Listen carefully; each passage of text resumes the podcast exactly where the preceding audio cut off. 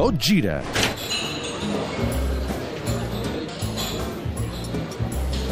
Sí que hi ha gent, sí. Hola, Paco.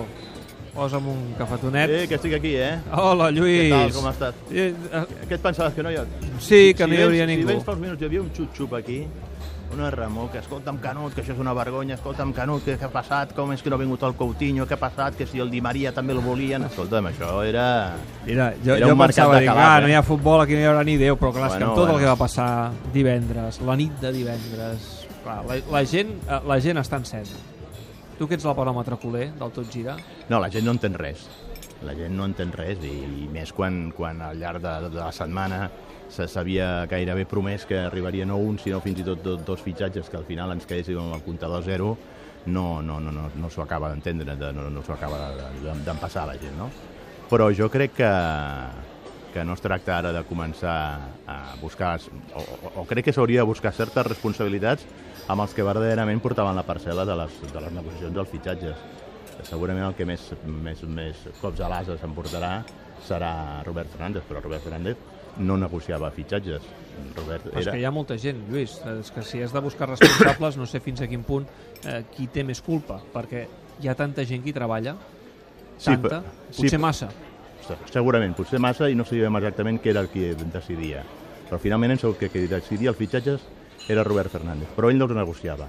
I per tant crec que aquest ha estat un problema més de negociació que no pas de decisió de si venia un jugador o venia un altre. I aquí és on s'ha de buscar les responsabilitats. S'ha de demanar, per exemple, quina és la feina que ha fet l'executiu Raül Sanllí en aquest, en aquest sentit, no?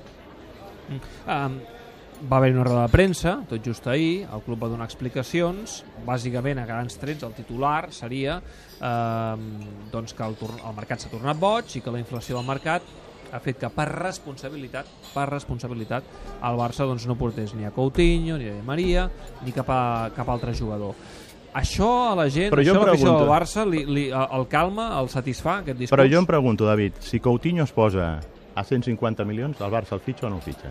Ah, aquesta és la gran pregunta. I, de fet, has és a fitxat dir- un jugador com Dembélé per 105 més variables. 105 més, més variables. És a dir, si, si el Coutinho, que ens diuen que, que es van plantar perquè van arribar a demanar 200 milions, no se'l fitxa per una qüestió de responsabilitat, jo dic, si Coutinho al Liverpool arriba a acceptar o arriba a donar per bona la xifra dels 150 milions, que era, crec que el topall on fins on estava disposat a arribar al Barça, se'l fitxa o no se'l fitxa? I el més segur és que se l'hagués fitxat. Aleshores, per tant, eh, aquí eh, hem, el mercat embogit per al Barça ha caigut també en aquest parany. Afortunadament, sense voler-ho, ha acabat passant el millor que podia passar pel, pel, pel Barça. I és que no s'hagin fet aquests fitxatges, no s'hagi cremat tots aquests eh, milions. Sí, hi ha, hi ha molts aficionats que diuen sort que no han fitxat el Di Maria. Amb el Coutinho no ho diuen, eh? però amb el Di Maria no sé per què la gent no, no li feia gràcia. Eh? Jo crec que fa una mica I de mira- i mal mira- i aquell mira- partit de la temporada passada No, no, dels i mira, Prínceps, I, I mira que et dic una cosa. fent I- callar després també i, ta, al i, Camp ta, Nou. I també et diré una cosa, eh? I sort que no es va fitxar Berrati, eh? Tu el vas veure ahir, Berrati? No. Tu vas veure el dia del... No vaig veure l'Espanyol, No, no, no, vull dir, però jo sí que el vaig veure. I, i, i vaig parar atenció, aviam, què feia Berrati, aquest famós Berrati. O sigui, en el primer gol de, de, de, en el segon gol disco, la pilota li passa per sota les cames.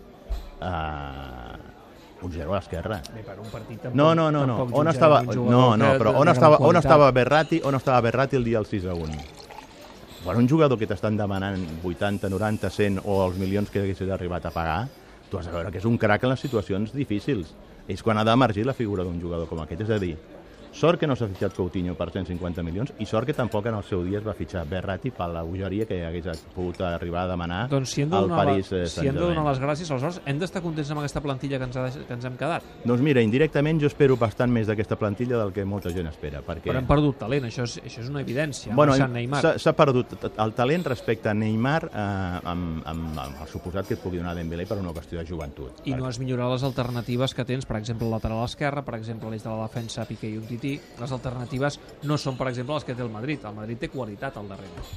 El Madrid darrere té qualitat. Jo crec que el Barça no té mal. Al darrere, vull dir, em refereixo darrere de l'11, és a dir, les alternatives, Mira, jo crec que suplent. ha- has millorat en, en, en contundència en el mig del camp amb l'arribada del discutit Paulinho, però, però era un jugador que era necessari, però és que això no és tan sols no era necessari perquè hagi estat un caprici de, de Robert Fernández, sinó perquè era també un desig de l'entrenador Ernesto Valverde i em consta també d'alguns jugadors que demanaven que en l'equip, en el mig del camp, hi hagués un jugador d'aquest perfil. perquè quan l'equip juga massa estirat, Sergio Busquets va de bòlit i necessita algú al costat que li ajudi a fer aquesta feina bruta de recuperació i de tenir més múscul, més anada i tornada. I no sé si Paulinho serà aquest futbolista que necessita el Barça, però que el Barça necessitava un jugador d'aquestes característiques eh, gairebé com, com l'aigua que, que, que, ens bevem. Has guanyat en aquest sentit. És veritat que queda l'interrogant d'aviam eh, què passarà amb, amb aquesta marxa de, de, de Neymar si la compensarà Dembélé. Probablement guanyis en actitud, perquè Neymar no era un jugador de gran actitud i de sacrifici eh, en, el, en el terreny de joc, era de grans qualitats tècniques però poc eh, sacrifici. I per tant després espero que altres jugadors, del que molts esperen i demanen i reclamen, puguin donar el pas endavant, com és el cas de Sergi Roberto, que no hagués tingut l'oportunitat de donar si haguessin vingut eh, Coutinho i Di Maria.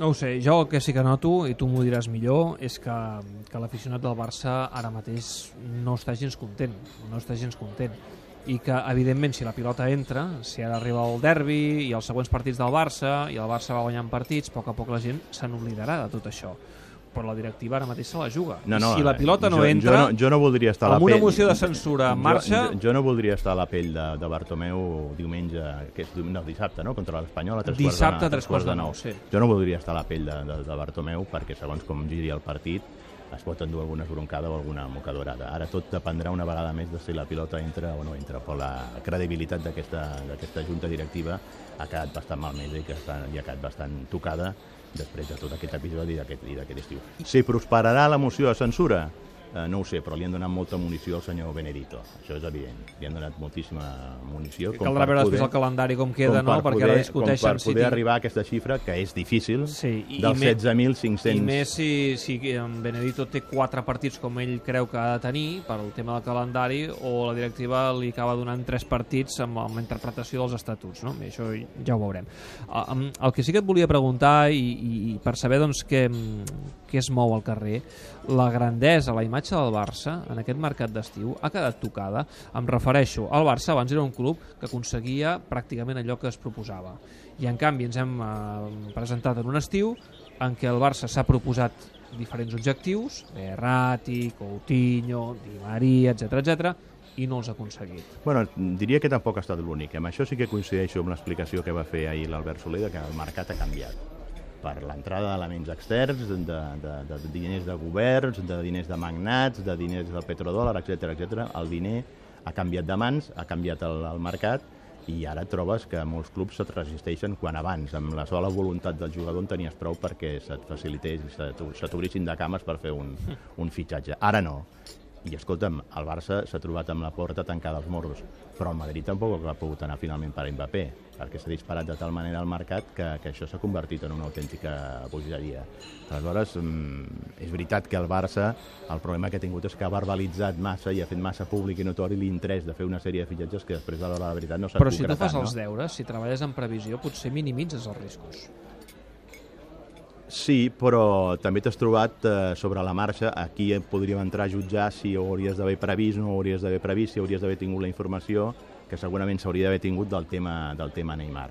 I aquí entraríem a, a, a jutjar, torno a dir-te, la tasca d'una sèrie d'executius que hi ha al club que no s'entén ben bé quin és el seu paper. Des del senyor Raül Sanllei en les negociacions i en els contractes, el senyor André Curí, que eren a més a més les persones que més controlaven l'entorn de Neymar, com, com és possible que no se n'adonessin o no s'assabentessin de que Neymar ho tenia pràcticament apamat i fet amb el Paris Saint-Germain per, per, per marxar i, i deixar-nos aquí a l'estacada. No? Per tant, jo crec que, que en aquest sentit Josep Maria Bartomeu hauria de començar a prendre decisions i començar a depurar responsabilitats en determinades parcel·les sobre la feina de determinats eh, executius del, del, del club. Si fem cas al que va dir Robert Fernández, que no hauria de per què mentir, a més a més va donar bastants detalls, ho va dir al final de la roda de premsa, diu que el mateix divendres va parlar amb el Valverde i el Valverde li va dir que estava content amb la plantilla que té. Sí, Valverde és veritat que és un entrenador molt del club, que ell no s'hi ha ficat amb els fitxatges. Aquests fitxatges d'aquest any, torno a dir-te, són 100% responsabilitat de Robert. A partir d'aquí haurem de jutjar en funció del rendiment d'aquests futbolistes la feina de, de Robert, perquè a diferència de la temporada passada, allà sí que intervenia més Luis Enrique en les decisions dels fitxatges que es feien. Però Valverde, en aquest sentit, és un entrenador molt de club, molt institucional, que deixa treballar cadascuna de les parcel·les. Òbviament, ell va a ells les incorporacions, però deixa que els que verdaderament porten el dia a dia del mercat, de, del seguiment de futbolistes, siguin els que prenguin les, les decisions. I sembla doncs, que de moment doncs, està satisfet amb el que té. Que hagués volgut més, per descomptat, però no farà d'això un drama Ernesto Valverde perquè si no, a més a més, seria rebaixar els jugadors amb els quals ell ha de treballar aquesta temporada. El, el culer, doncs, està preocupat ara mateix o no?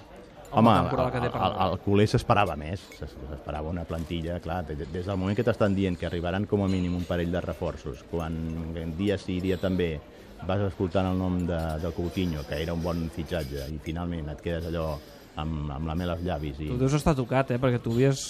No, no, a mi m'agradava molt Coutinho, però tu Eres molt pro Coutinho, jo era eh? Molt, jo era molt pro Coutinho, Des de fa però, molt de però, temps. però jo també t'havia dit que segons quins preus no, i a més a més jo t'havia dit tornem als orígens, mirem una altra vegada cap, a, cap al producte de casa, mirem cap a la cantera. Escolta'm, el que tampoc pot ser és que tinguem un discurs penalitzador sobre el no haver tancat lo de Coutinho i la mateixa setmana estiguem escoltant que se'n pot anar Sergi Roberto i que sigui, i això sigui un drama nacional. Escolta'm, si, és que, si Coutinho se'l fitxava, Sergi Roberto hagués vist bastant limitada la seva aportació al, al, al primer equip del, del Barça o, o entrar allò a la rotació dels minuts de qualitat del, del, del, del primer equip. I per tant, doncs, eh, hem de començar a pensar doncs, que si no han vingut els de fora, els de dintre poden donar un rendiment similar i tornar una miqueta als orígens del que ha fet gran aquest Barça. Jugadors del planter, com els Puyol, com els Víctor Valdés, com els Xavi, com els Iniesta, com el mateix Messi, com el Piqué, i etc etc etc són els que són els, en definitiva els que han fet grans. Serà molt eh, interessant Barça. veure la cara de Leo Messi dissabte que ve al derbi, perquè Messi amb la cara paga, i fins ara no l'hem vist somriure gaire, el mercat s'ha tancat, veure també si Dembélé juga o no juga, però la cara de Messi és la cara del Barça. No, i sobretot, sobretot, És la cara del sobretot, Barça, és mira, així. el, el, que em, el que em deia sobretot abans fa un moment aquí la gent, i sobretot que el renovin, que firmi d'una punyetera vegada, perquè amb aquesta angoixa el Barça no pot viure. Després del que ha passat aquest estiu, que no acabés de firmar aquest contracte Leo Messi, que el posaria a partir de l'1 de gener com a jugador lliure, seria un desastre, una hecatombe total i absoluta pel, pel Futbol Club Barcelona. Per tant, l'objectiu ha de ser que en qüestió d'una de, de, de, setmana, 15 dies, s'acabi de, de decidir de, de, i de signar aquest contracte de renovació de Leo Messi. Més enllà de cares o no cares, sinó que el que ens interessa és que signi la, la renovació. Per cert, que em diuen que ell no tenia res a veure amb el fitxatge de Di Maria Ah. i que tampoc va tenir res a veure amb el descart d'Iñigo Martínez. Ho dic perquè saps que va, Sí, va sí, córrer sí, la sí. brama de que Messi havia batat el fitxatge d'Iñigo Martínez perquè això era treure-li protagonisme gairebé relegar l'ostracisme al seu amic Javier Mascherano i que per tant Messi s'havia oposat res de Res res, de res. res, de res.